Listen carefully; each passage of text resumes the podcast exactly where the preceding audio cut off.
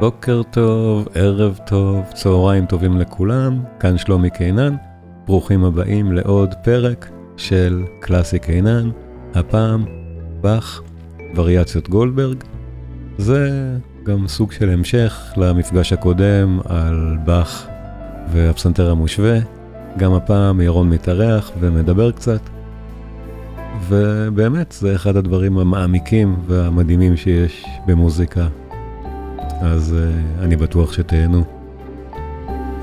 הקורס באך, מוזיקה מגן העדן, כמובן למאזיני הפודקאסט ולצופי ערוץ היוטיוב, בהנחה מופלגת בתיאור של הפודקאסט, וחוץ מזה לינקים לקבוצות הרלוונטיות, לערוץ היוטיוב, וגם, חשוב מאוד, לתמיכה בערוץ, התמיכה שלכם מאוד מאוד עוזרת כל פעם מחדש. אז אנא, בדקו, שתפו ותהנו. באך, וריאציות גולדברג. והיום אנחנו באחרונה מהסדרה הזאת על באך, וגם אני חושב המעמיקה ביותר. צריך uh, לקחת נשימה, היום זו הרצאה עמוקה על מוזיקה עמוקה, באמת בלי, בלי הנחות. זה באך, uh, שתי היצירות שאנחנו נדבר עליהן היום, הן... Uh, גם סיפורים, אני חושב, יפים מאוד בזכות עצמם. הסיפורים על היצירות, מיתולוגיים יותר או פחות, נגיד ככה, הם מה...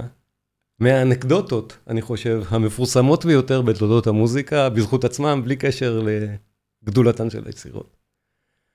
אני מדבר על, ה... על, ור... על וריאציות גולדברג ועל המנחה המוזיקלית. ושתי היצירות, גם, אני חושב, הסיפורים האלה על היצירות מראים כמה באך היה מלחין נערץ וחשוב עוד בחייו, בניגוד למיתוס. אנחנו גם נראה למה, תכף, באמת הנסיבות, בעיקר של המנחה המוזיקלית, אבל גם של וריאציות גולדברג, מראות שבאך באמת בעשור האחרון לחייו, שזה זה הזמן של היצירות האלה, היה כבר מלחין נערץ וחשוב מאוד. אה, ושתי היצירות גם עניינם וריאציות. נושא הוא וריאציות, וריאציות גולדברג זה נקרא וריאציות, והמנחה המוזיקלית לא נקרא וריאציות, אבל גם זה נושא. והווריאציות עליו בצורה מאוד מאוד מסוימת, אנחנו נגיע לזה.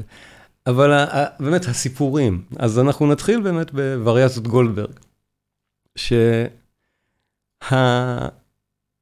שהסיפור שמאחוריה מתחיל בעצם ב... בביוגרפיה המוקדמת ביותר של באך. עכשיו, אני שוב אומר, הרבה פעמים אני אומר את זה כשאנחנו מדברים על באך, אנחנו לא יודעים באמת הרבה פרטים ביוגרפיים על האיש. אמ, וביוגרפים של באך פשוט מילאו את החסר הרבה פעמים כיד דמיונם הטובה, יותר או פחות. אבל הסיפור הידוע על וריאציות גולדברג, בפעם הראשונה שהוא נמצא באיזשהו, שכתוב באיזשהו מקום בכלל, זה בביוגרפיה של פורקל, של באך. זה ביוגרפיה מ-1802, זה 60 שנה אחרי היצירה. אחרי, אחרי, ו, ויותר מ-50 שנה אחרי מותו של באך עצמו.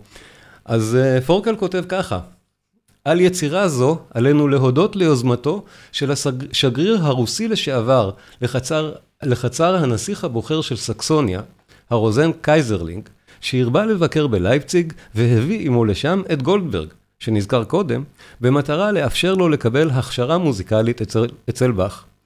הרוזן היה חולני וסבל מנדודי שינה. בזמנים כאלה נדרש גולדברג שהתגורר עמו בביתו לבלות את הלילה בחדר הסמוך לחדר השינה של הרוזן כדי לנגן לפניו כששנתו נודדת. פעם הזכיר הרוזן בנוכחות באך שהיה רוצה לקבל אי אלו יצירות מקלדת בשביל גולדברג שתהיינה נוחות לאוזן ומצילות לב די הצורך לעודד מעט את רוחו כשנודדת שנתו בלילות. באך סבר שהדרך הטובה ביותר למלא משאלה זו תהיה באמצעות וריאציות, שבכתיבתן ראה עד אז מטלה כפוית טובה, בגלל המסד ההרמוני החוזר על עצמו. אבל היות שבמועד זה כבר היוו כל יצירותיו מופת של אומנות, גם הווריאציות הללו יצאו כך מתחת ידו. אף על פי כן, הוא לא שב לכתוב עוד יצירה מסוג זה מכאן ואילך, נהג הרוזן לכנותן הווריאציות שלו. הוא מעולם לא נלאה מהן, ובמשך זמן רב פירושם של לילות חסרי שינה היה גולדברג חביבי, נגן נא לי אחת מן הווריאציות שלי. אפשר שבאך לא זכה שוב לגמול כזה על שום יצירה אחרת שחיבר. הרוזן העניק לו גביע זהב ממולא במאה לואידורים, מטבעות זהב, ועם זאת, אפילו הייתה המתת גדולה אלף מונים, לא היה בכך כדי לבטא נכונה את ערכן האומנותי. אז הסיפור הוא באמת סיפור נהדר. אה, אולי. אין לנו, אנחנו לא, באמת לא יכולים לדעת. המחקרים מפקפקים, בואו נגיד, בסיפור הזה, בעיקר בגלל שעל הכותרת של היצירה לא מוזכר לא גולדברג, אבל זה, זה לא אמור להיות מפתיע, וריאציות גולדברג מכונות כך, אבל לא, לא מוזכר גם הרוזן קייזרלינג. אם היצירה הייתה, הוזמנה באמת על ידו, הוא אמור להיות מוזכר שם. יש כל מיני אנכרוניזמים בסיפור הזה, שגם גולדברג עצמו, אותו נגן, אה, שאגב, אכן היה תלמיד של באך, גולדברג, ובאך מאוד העריך את תלמידו גולדברג, שאחר כך נהיה בעצמו מלחין די חשוב בתקופה מיד לאחר באך, אותו גולדברג, אה, אבל היה בסך הכל בן 14 בזמן חיבורן של הווריאציות. אבל כך או כך, הסיפור, האגדה, המיתולוגיה הנהדרת הזאת באמת, אה, באמת תפסה, וזה מה שאנחנו יודעים וחושבים על, ה, על וריאציות גולדברג. שגם השם, וריאציות גולדברג, באך לא, לא כינה אותן כך. בתקופה שפורקל כבר כתב את הביוגרפיה הראשונה על באך, היצירה כבר כונתה וריאציות גולדברג. אנחנו לא יודעים למה. יכול להיות שבאמת גולדברג היה אותו התלמיד שבאך מאוד העריך וקרא לזה בחיבה בצורה כזאת. בשום מקום על התווים של באך לא כתוב וריאציות גולדברג. כך או כך, הסיפור הוא נהדר במקרה הזה, כנראה שהוא מיתולוגי, למרות שיש בו כמה גרעינים קטנים של אמת. יכול בהחלט להיות, יש מחקרים שחושבים שאכן קייזרלינג הזמין את זה מבאך. הם היו באמת בקשר מהסוג הזה, ואותו קייזרלינג באמת היה ידוע ומוכר בעיני באך כחובב מאוד מאוד נלהב ומכובד של מוזיקה. אם אנחנו זוכרים, גם בשיח שעשינו על המיסה של באך, אחת מהגרסאות המוקדמות של המיסה בלטינית, קייזרלינג היה קשור אליה איכשהו, ובאך אכן הכיר אותו בלייפציג. חלקים מהסיפור הזה הם נכונים. מה שברור, היצירה עצמה באמת מולחנת עבור אדם שמבין מוזיקה מצוין. ויכול להיות שה... יכול להיות שהמיתולוגיה התעוררה באמת בגלל מה שבאך עצמו כתב בתור, על, ה... על, ה... על היצירה. בעמוד הראשון של היצירה, הוא תיאר אותה כך: תרגילי מקלדת המכילים אריה עם וריאציות שונות לצ'מבלו בעל שתי מקלדות, שחוברו למען מביני דבר לרענן את רוחם. מאת יוהאן סבסטיאן באך, מלחין חצר המלוכה של פולין וחזרה תואריו של באך כאן. אבל חוברו למען מביני דבר לרענן את רוחם. אז כן, יכול להיות שבאמת זה היה עבור אותו, אותו רוזן, קייזרלינג, מבין דבר. שבאמת זו יצירה כזאת. אבל הנקודה המעניינת פה, שבאך אה, מלחין באמת סדרה של נושא ווריאציות בהיקף עצום, יש לנו את האריה הזאת, הוא אומר, זו אריה, ו-30 וריאציות עליה, בהיקף מאוד מאוד גדול, ומאוד מאוד מקיף, מבחינת הרבה מאוד סגנונות לאותן הווריאציות. 30 וריאציות זה המון. הוא גם תוחם את זה מאוד יפה בצורה מבנית. יש לנו פה, הווריאציות משובצות, כל שלוש וריאציות הן קנון. גם קנון בדומה לפוגה, זה צורת ברוק מאוד מאוד נוקשה ומאוד מאוד ספציפית, שכמו שדיברנו בפסנתר המושווה על הפוגות, כאן הקנונים הם בתפקיד הזה. הם בתפקיד ה... צורני המאוד נוקשה שמעצב את היצירה, ויש לנו כאלה אחד אחרי השני, כל הזמן במרווחים עולים. שוב, משהו סכמטי מאוד כמו שהיה לנו בפסנתר המושווה, כאן יש לנו קנונים במרווחים שעולים כל הזמן בטון. אבל שוב, כל הסכמה המתמטית שמקיפה את היצירה ודומה לפסנתר המושווה, באמת מראה שהדבר היה מיועד, כמו שבאך באמת תיאר את זה. אה, חוברו למען מביני דבר. לרענן את רוחם. זה בהחלט למען מביני דבר, כך זה באמת נשמע וכך זה באמת מבוצע וזאת אחת מהיצירות הבאמת קשות אולי לביצוע וירטואוזי על הכלי, ויכול להיות שזו אחת הסיבות של אותו הגולדברג, ששוב, כנראה לפי כל מה שאנחנו יודעים, באך מאוד העריך אותו כתלמיד וכנגן נהדר של כלי מקלדת לסוגיהם, אחר כך שוב גולדברג בעצמו עשה קריירה יפה בתור מלחין ברוק. אבל, סליחה, בואו נשמע. היצירה היא באמת מהגדולות ביותר של באך. נאזין ואני אסביר קצת. נאזין לחלקים, לא, לא להכל, אבל לכמה, לכמה וכמה וריאציות, ואני אסביר קצת את האיכות שבהן. קודם כל האריה עצמה, ואנחנו נשמע את זה בנגינתו הסמינלית של גלן גולד, בעיקר אני אשמיע עוד כמה בשביל, ה, בשביל הגיוון. היצירה נכתבה עבור צ'מבלו, כתוב, באך אמר צ'מבלו עם שתי מקלדות, כזה עם מקלדת כפולה, עם שתי מנואלות. אפשר כמובן לנגן את זה גם על אורגן עם שתי מנואלת, לכן זו יצירה שהתרגום שלה לפסנתר הוא קצת יותר קשה וצריך באמת להפוך הרבה מאוד את הידיים שם. ירון אולי ירצה לספר על זה אחר כך, אבל כן, יש שם הרבה מאוד דברים שמתורגמים מצ'מבלו בשתי מקלדות, וגלן גולד היה הראשון שהפך את העניין לפופולרי, הוא באמת עשה פופולריזציה של נגינת וריאציות גולדברג עם פסנתר, ההקלטה המפורסמת שלו משנות ה-50, הטור המפורסם שלו שהוא עשה ברוסיה, באמת פתחו את הדרך לנגינה של באך ככה על פסנתר, ואנחנו נשמע היום עוד קצת בשביל רפרנס דברים אחרים, אבל בעיקר גולד, את ההקלטה היותר מאוחרת שלו משנות ה-80, כי הצליל באמת של ה-80's נשמע הרבה הרבה יותר טוב. בואו נשמע. וריאציות גולדברג, אריה.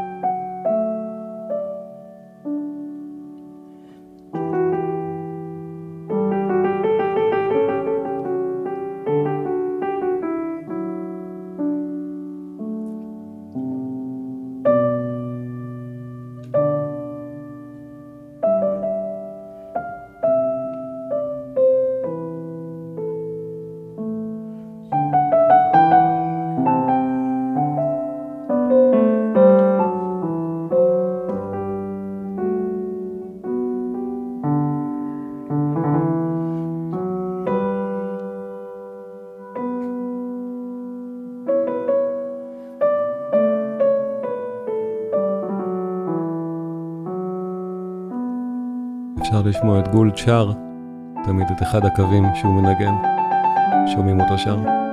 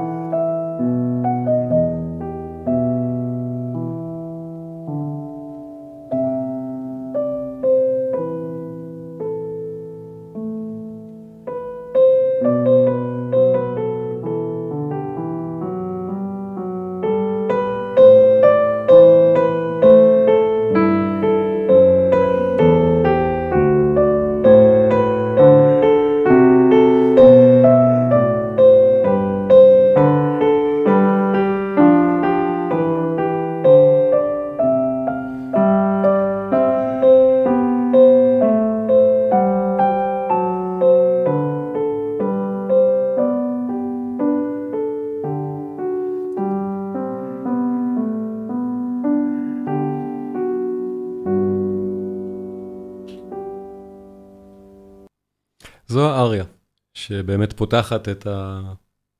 את הסדרה, ועכשיו 30 הקטעים הבאים הם וריאציות על הנושא. אבל הרעיון פה של וריאציות זה בעצם על קו הבאס ועל ההרמוניה, לא על הנושא המלודי, וזה אני חושב שאמור להיות ברור ברגע שאנחנו מתחילים אפילו לשמוע את הווריאציה הבאה. הנקודה היא וריאציות על קו הבאס ועל ההרמוניה, והווריאציות, באך כאן באמת כיד הדמיון הטובה עליו. כל וריאציה שלישית היא קנון מאוד מאוד נוקשה, אבל תמיד השתיים שבאמצע הם באמת חופשיות, כולל ריקודי ברוק, כולל כל מיני סגנונות אחרים, שמפגינים באמת מיומנות קומפוזיטורית ומיומנות של נגינת מקלדת, לא תיאמן. למשל, הווריאציה הראשונה כבר היא אומרת המון, אנחנו נשמע פה לשם השוואה את גלן גולד, ואחר כך פסנתרן אחר מנגן את אותה הווריאציה, בשביל שנראה עד כמה זה באמת יכול להיות אחר. גלן גולד באמת מקפיד לנגן את זה מאוד, כאילו שהוא מנגן על הרפסיקורד. בצורה שאפשר לשמוע באמת את המגע המעט אולי נוקשה, אבל מאוד ברור של כל קו. הוא מאוד מקפיד על זה. תוסיף משהו? נשמע. כן, ודאי, ירון, בטח, כן. היי, קודם כל ערב טוב לכולם. אהלן ירון, כן. אהלן. אמ, יש משהו ביצירה הזאת הספציפית שמתאפיין הרי, אנחנו יודעים שאצל באך הרבה פעמים אנחנו רואים שיש אה, איזשהו תכנון אה, של היצירות. אה, יש בהם איזשהו סדר והן כאילו מתוכננות מראש, ובמקרה הזה אפשר לציין ששלושים הווריאציות, אפשר להסתכל עליהן גם כאל עשר שלשות, זאת אומרת כל שלשה, כמו ששלומי תיאר, עם קנון, אה, משתנה, אבל גם אה, כאילו 15 ו-15, זאת אומרת, גם ה-15 הראשונות, החמש הראשונות, יש איזשהו כאילו אה, הרגשה של אמצע אחרי 15 וריאציות וכאילו חלק שני. זאת אומרת, באך עשה פה איזשהו מין, אה, כל התהליך שהקנון עולה עם הטונים והירידה, הכל זה כאילו ממש מעשה מתוכנן מראש, נכון. מדהים פשוט. נכון. אה, אה, ו... זה נהדר. כן, פשוט, אה, כשרואים את זה, את התווים, יותר קל לראות את זה, קשה יותר לשמוע את זה. קשה לפעמים לשמוע, בדיוק, אנחנו נגיע לקנונים ו- וננסה להבין למה קשה לשמוע את זה בלי התווים. אבל אתה, ירון מאוד צודק, זה, היצירה בנויה באמת בצורה הכי אה, גאונית, לוגית, שאפשר לעלות על הדעת. ואני חושב שאנחנו נרגיש את זה. אז, אז, אז כן, תודה ירון. הקנון, הווריאציה הראשונה, גלן גולד, הנגינה שלו באמת, היא נגינה מאוד מאפיינת אותו, ותכף אנחנו נשמע את מרי פריחאי המנגן, אחר לגמרי.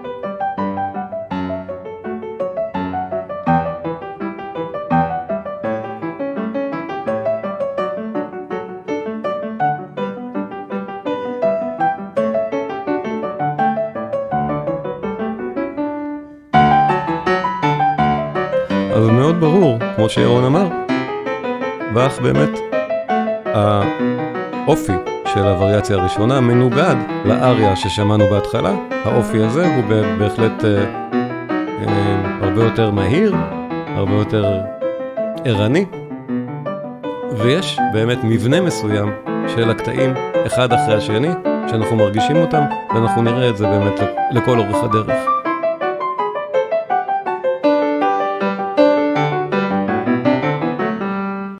זה גלן גולד, ולשם השוואה, עוד פסנתרן נהדר שמנגן את באך אה, באופן אחר לגמרי, אחרי שגלן גולד כבר ניגן את זה ככה ואמר, אפשר לנגן את הדברים האלה גם על פסנתר, הרבה מאוד פסנתרנים, מהגדולים ביותר, מנגנים את באך בדרכם. אחד מהם, בואו נשמע, אותו הקטע, הקלטה באמת נפלאה לדעתי, אלטרנטיבה נהדרת למי שרוצה להאזין ליצירה.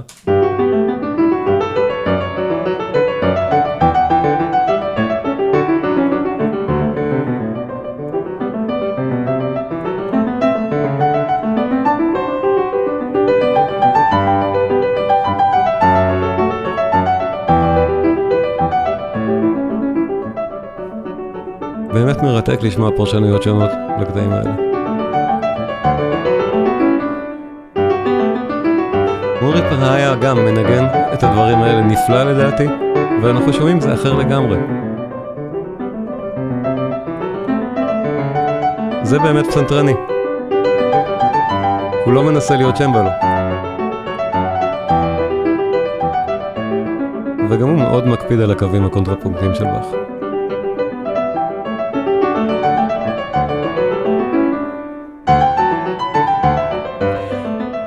מי שמכיר באמת את היצירה, או חדי האוזן, שמים לב שפראיה מנגן את זה יותר ארוך מגולד. הוא למשל חוזר על קטעים שגולד לא חזר עליהם. כי אפשר.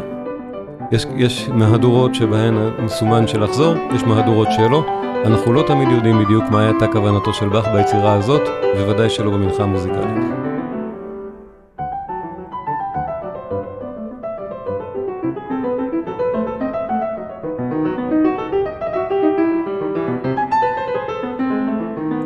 כותבים, הייתה לי הזכות לשמוע את גלן גולד עם יצירה הזו בביקורו בארץ. איזה איילה, איזה כיף.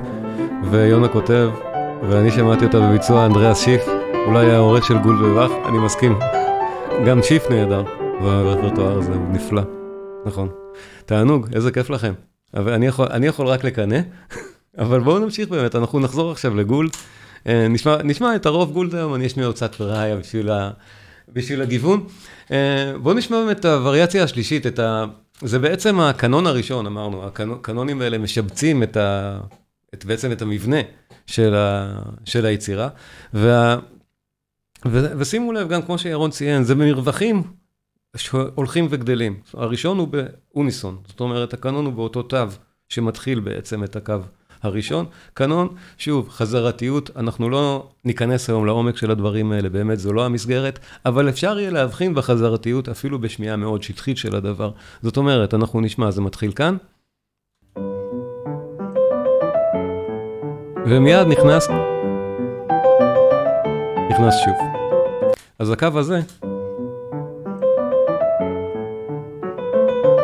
נכנס כאן,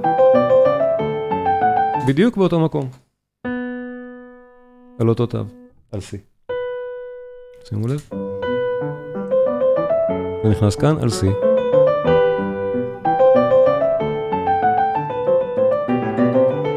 זה הקנון הראשון במרווח יוניסון, במרווח אותו התו. והכל כמובן במסגרת של וריאציה. זה וריאציה על אותו נושא, ש... על אותה אריה שפתחה את היצירה.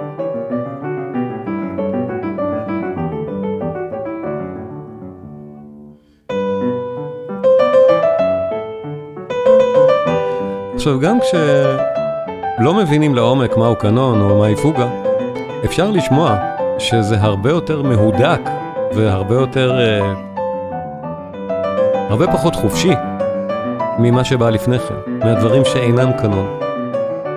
לכן אלה כאילו העמודי, עמודי התווך של היצירה, או התמרורים. הקנונים, כל שלושה קטעים באים ומסדרים את זה בין הקטעים היותר חופשיים.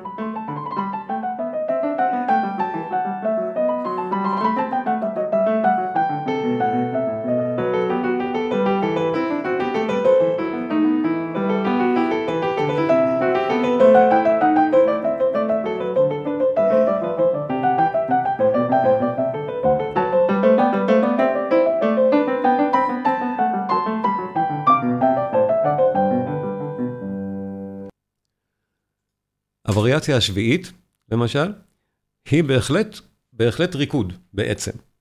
באך אפילו קרא לזה טמפו די ג'יגה, בטמפו של ג'יג, ג'יג זה סוג של ריקוד ברוק, למרות שהקטע עצמו הוא לא ג'יג, ברור שהכוונה הייתה פה לווריאציה שעניינה הוא צורת ריקוד ברוקי.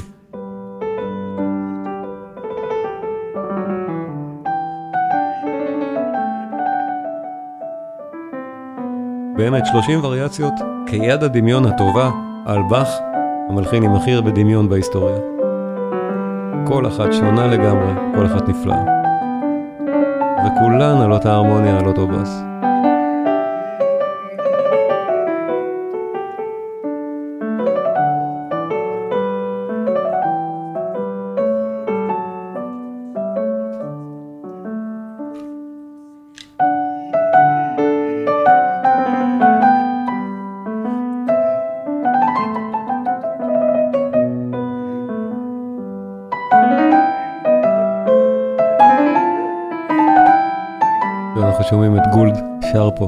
הקו המלודי שלו.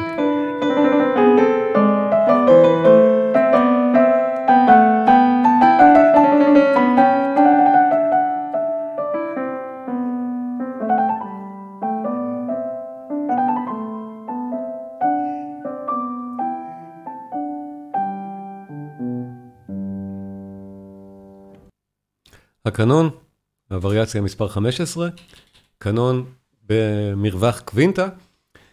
אנחנו נשמע את זה, שוב, אני אסביר מעט, אבל צריך להבין, זה מיועד, שוב, באך אומר בעצמו, למאוד מתקדמים במוזיקה.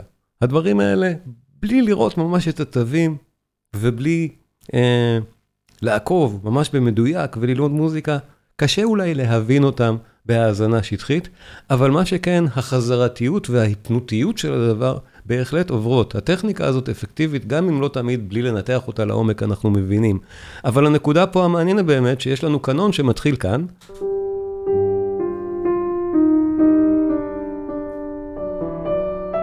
ופה אנחנו שומעים את היפוכו.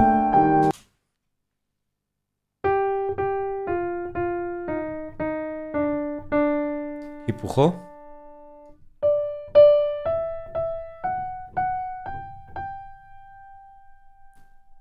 אז גם זה מותר במסגרת כללי הקנון הברוקי, את הדבר והיפוכו. והם במרווח קווינטה אחד מהשני. הראשון מתחיל בסול.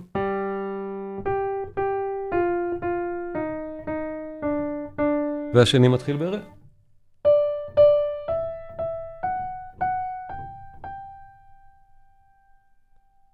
יכול להגיד משהו, שלומי? כן, כן, ודאי. אבל שיזכרו מה השמעתי לפני ש... כשאני הולך להשמיע את זה. תזכרו, עוד מעט תשמעו את זה, כי זה חוזר הרבה פעמים. כן, אוקיי, אז נדבר, ירון. אני רוצה רק להגיד, באמת, היצירה הזאת, יש בה משהו קסום. אמ, סיפור אה, אישי שקרה לי עם אה, בת אחי, שלפני הרבה הרבה הרבה שנים, אני הייתי הדוד שלפעמים היא הייתה, היא הייתה באה לבקר אותי ככה בלילה מאוחר, ובלילה אחד הגיעה, אחרי שהיא כנראה שתתה קצת יותר מדי ופחדה להגיע הביתה, אז היא באה לדוד ירון, וביקשה לשמוע מוזיקה, ושמתי לה את הווריאציות של גולדברג, בלי להתבלבל בכלל. ואני חושב שהיא לא תשכח את החוויה הזאת כל חייה, מכיוון שהיא הקשיבה מההתחלה ועד הסוף. מה שרציתי להגיד זה שלמרות שבאמת כדי להבין את היצירה צריך באמת להסתכל על התווים ואולי אפילו לנגן אותה ולהעמיק כדי להבין את כל הקנונים עם כל האפשרויות שהוא הופך וזה קנון סרטן וכל הדברים האלה, איכשהו גם בלי להבין בזה, יש בזה משהו מהפנט, אה, שלפחות אני הרגשתי את זה עליי, וראיתי גם שגם נכון. שמישהי שבאמת בכלל לא מכירה מוזיקה קלאסית, ובאה אחרי, בטח שהייתה בטח באיזה מועדון ושמעה מוזיקה אחרת לגמרי, ולגמרי נשאבה לזה, ומאז היא מעריצה של באך. אתה מאוד צודק, ירון, אבל יש משהו בלשמוע את זה ברצף, הרצף הזה, אמנם זה מחולק, כמו שאמרנו, לשלשות ולזה, אבל כששומעים את זה מההתחלה ועד הסוף ברצף, זה פשוט מהפנט. אתה צודק, וזה מאוד מומלץ להאזין ליצירה ברצף. אני באמת חייב להתנצל שאני עושה אבריביאציה כזאת של כן. היצירות האלה של באך.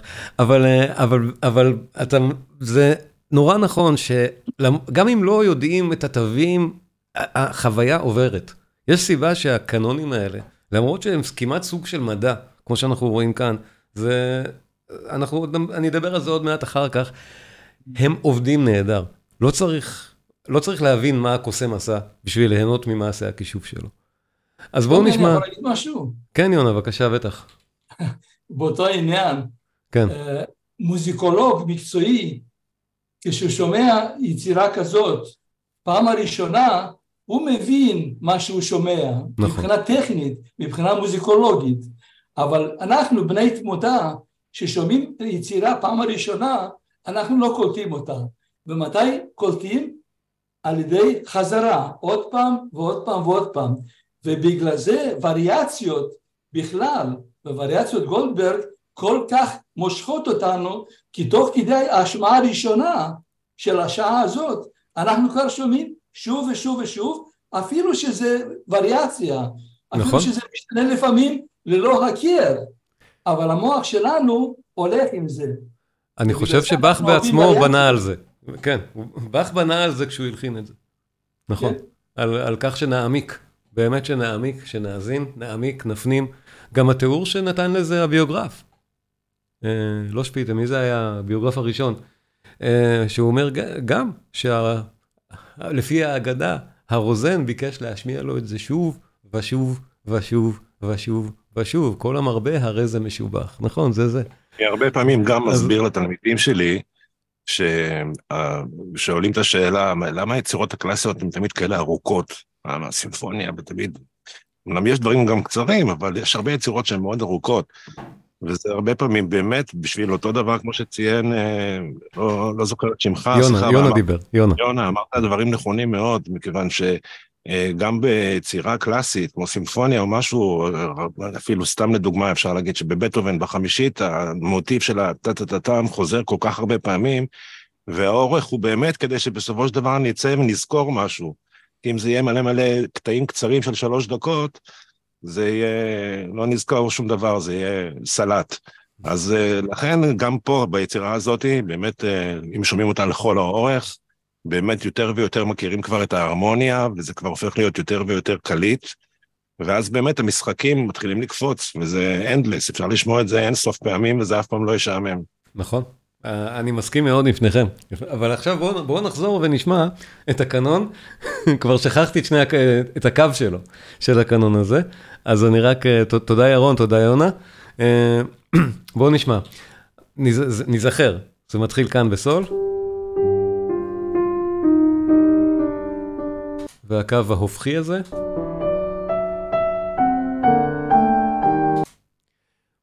ובואו נשמע.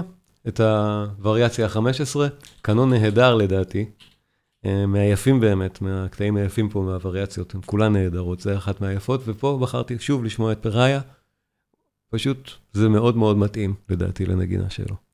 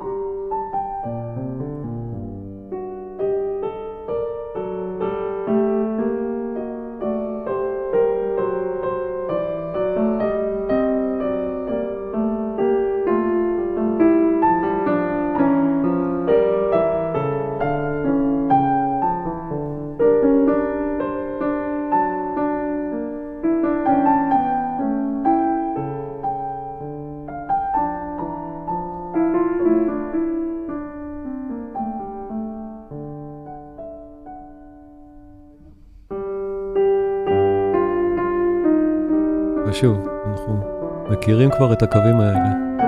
החזרתיות, למרות שאנחנו בלי התווים לא יכולים לראות שזה בדיוק באמת מתאים, זה באמת מתאים בדיוק, האינברסיה. זה מרגיש לנו נכון לגמרי.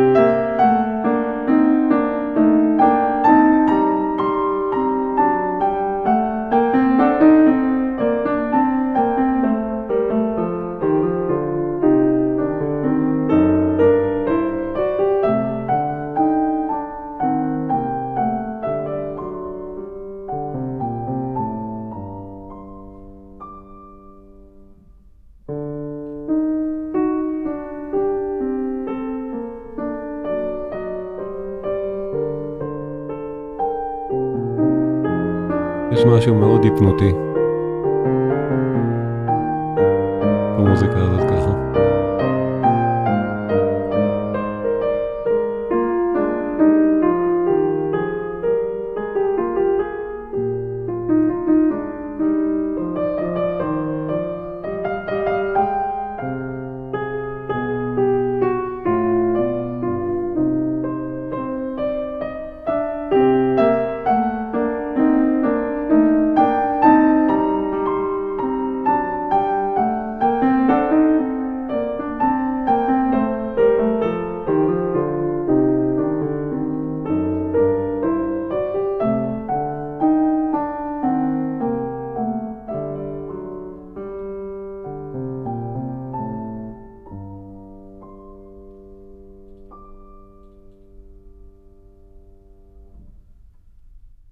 וריאציה מספר 15, קנון בקווינטה, והקנון הבא בסקסטה, וריאציה 18, נשמע את גולד מנגן, וגולד עליה אה, כתב, לפחות ב, על, על הדיסק, שזאת הווריאציה שמבחינתו היא הגאונות המוזיקלית הכי גדולה ב, בסדרה הזאת.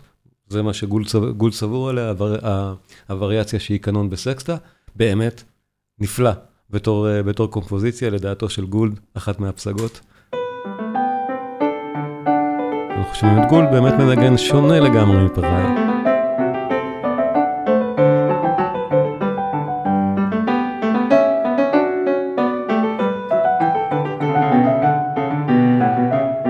וזה גם אותו פרינציפ של קנון מהופך קשה לנו מאוד לזהות את זה באוזן, חוץ מכך שהחזרתיות עובדת מעולה, עובדת נפלא פשוט.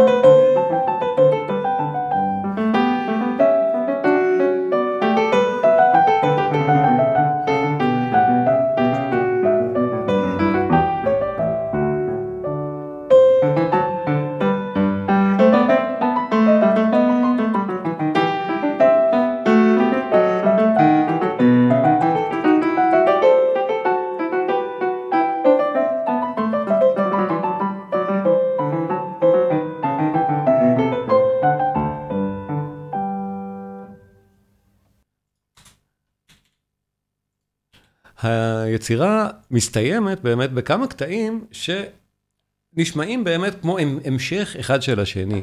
הווריאציות האחרונות הן אה, ממש מכינות לקראת הסוף. הסוף בא חוזר לאריה דיקפו, לאיפה שהתחלנו. חוזר לאריה כמו שנוגנה בהתחלה. אבל לפני זה הוא כאילו מעלה מעט את, ה, את המרץ באופי באופי של הווריאציות שהוא נותן לקראת הסוף, עד שלפני האחרונה היא ממש אה, שמחה, עולזת ומשלבת בתוכה אפילו שני שירי עם גרמניים. לפניה יש לנו עוד כמה וריאציות נפלאות, למשל הווריאציה 28.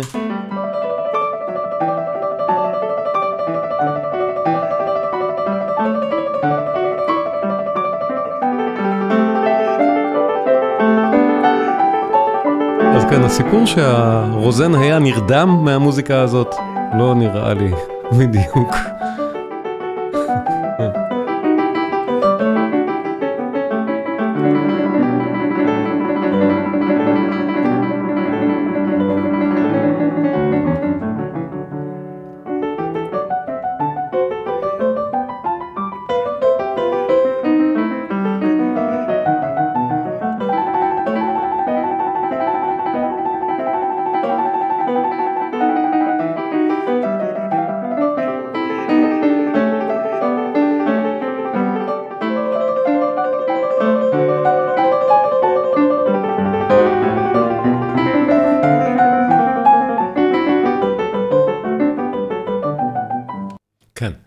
והווריאציה מיד אחריה, מספר 29. אמרנו, היצירה באמת, הגענו לחלק הזה, הנמרץ והסוער שלה, היא באמת בנויה לתלפיות.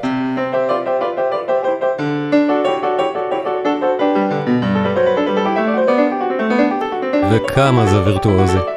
אותו גולדברג בן ה-14 כנראה היה באמת וירטואוז לא יאמן על הכלי.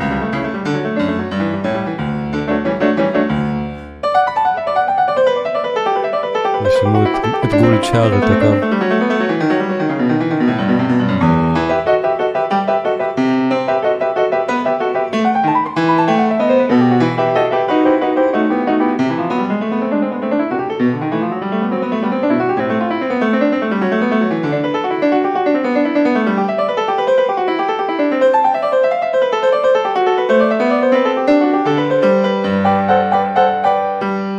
והווריאציה האחרונה, מספר 30, במקום להכניס כאן עוד קנון, את הקנון, ב...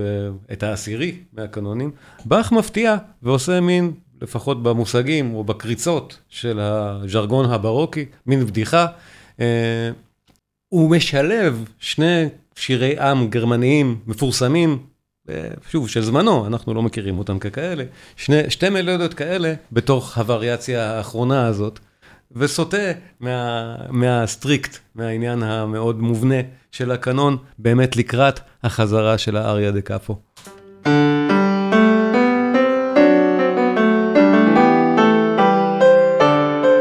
זה באמת נשמע שונה לגמרי מכל מה שהיה עד עכשיו.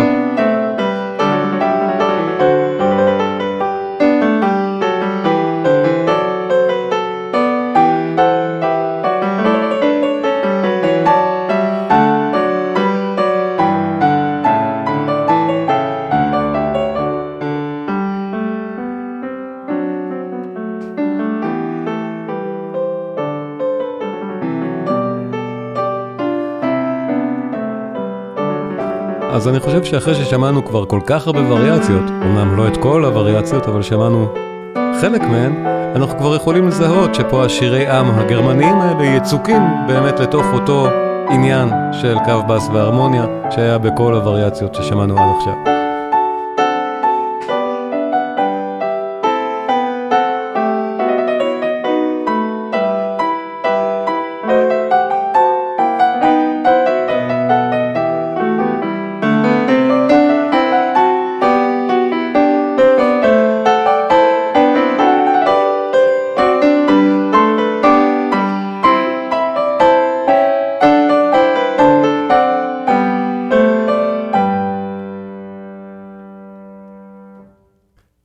המסע הזה של ה-30 וריאציות, גולדברג יכול להתחיל, אוקיי, לנוח ולנגן שוב את האריה דה קאפו. אנחנו נשמע הפעם את פרהיה, איך הוא מנגן את הסיום, שמענו בו את ההתחלה, גולדניגן, זה אחר וזה יפהפה בזכות עצמו. חזרנו בעצם להתחלה, לנקודת המוצא, לאריה שהתחילה את כל הווריאציות וגם סוגרת אותן.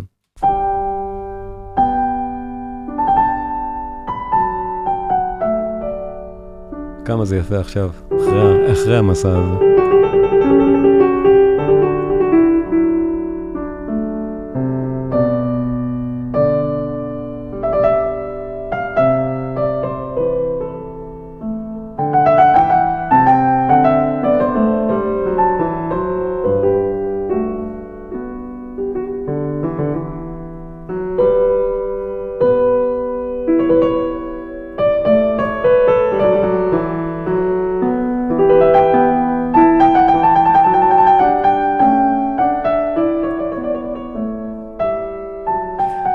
תכננתי היום לדבר על שתי יצירות של באך, גם על זאת וגם על המנחה המוזיקלית, אבל נוצר באמת שיח נהדר. תודה רבה לירון וליונה. איפה ירון באמת? לא רואה אותו. אני פה, אני פה. אתה כאן. ולא נספיק, אז אני אעשה עוד מפגש על באך, כי המנחה המוזיקלית זה גם סיפור שצריך לספר אותו.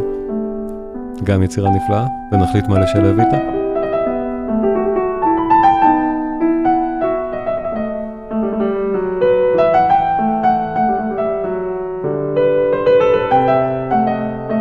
חושב שמבינים כבר מהאזנה כזאת עד כמה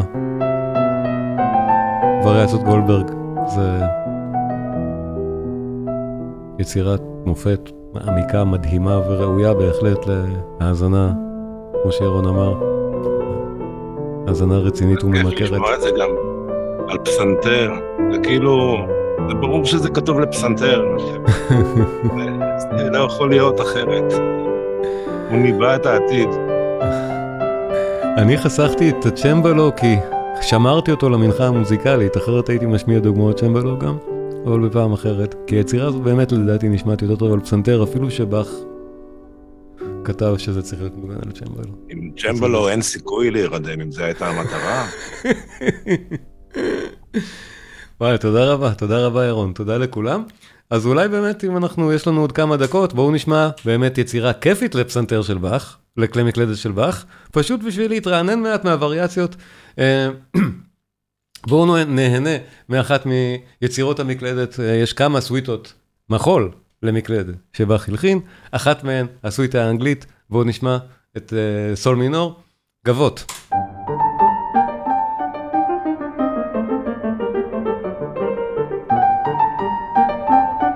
שימו לב, ריקוד ברוקי, שמענו כבר אחד כזה בתוך הווריאציות, עכשיו יש לנו אחד כזה כאן.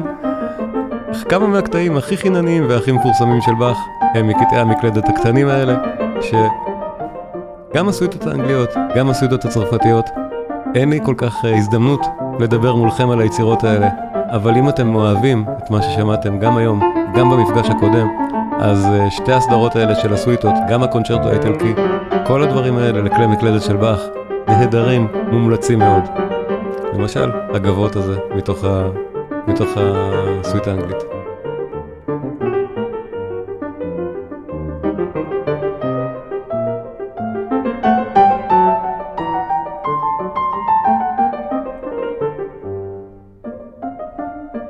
אפשר לזהות מאוד בקלות את הקשר של זה לסוגות של ריקוד.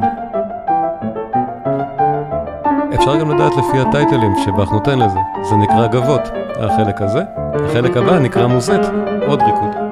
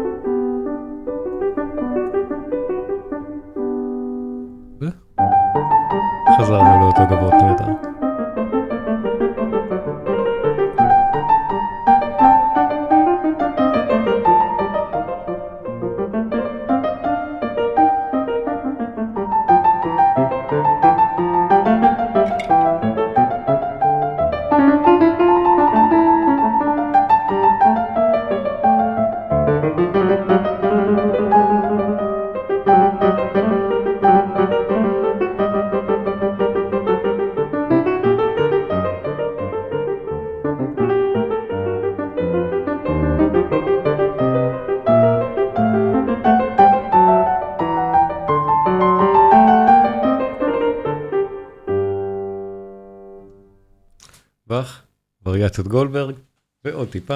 תודה רבה לכם. Uh, תודה לירון, תודה ליונה. לפני שנפרדים, תנו לי לספר לכם על הקורסים הדיגיטליים שנמצאים כבר ברשת. קלאסי קינן, הקורסים הדיגיטליים של שלומי קינן. הקורסים מיועדים לחובבי מוזיקה מעמיקים שרוצים לדעת יותר.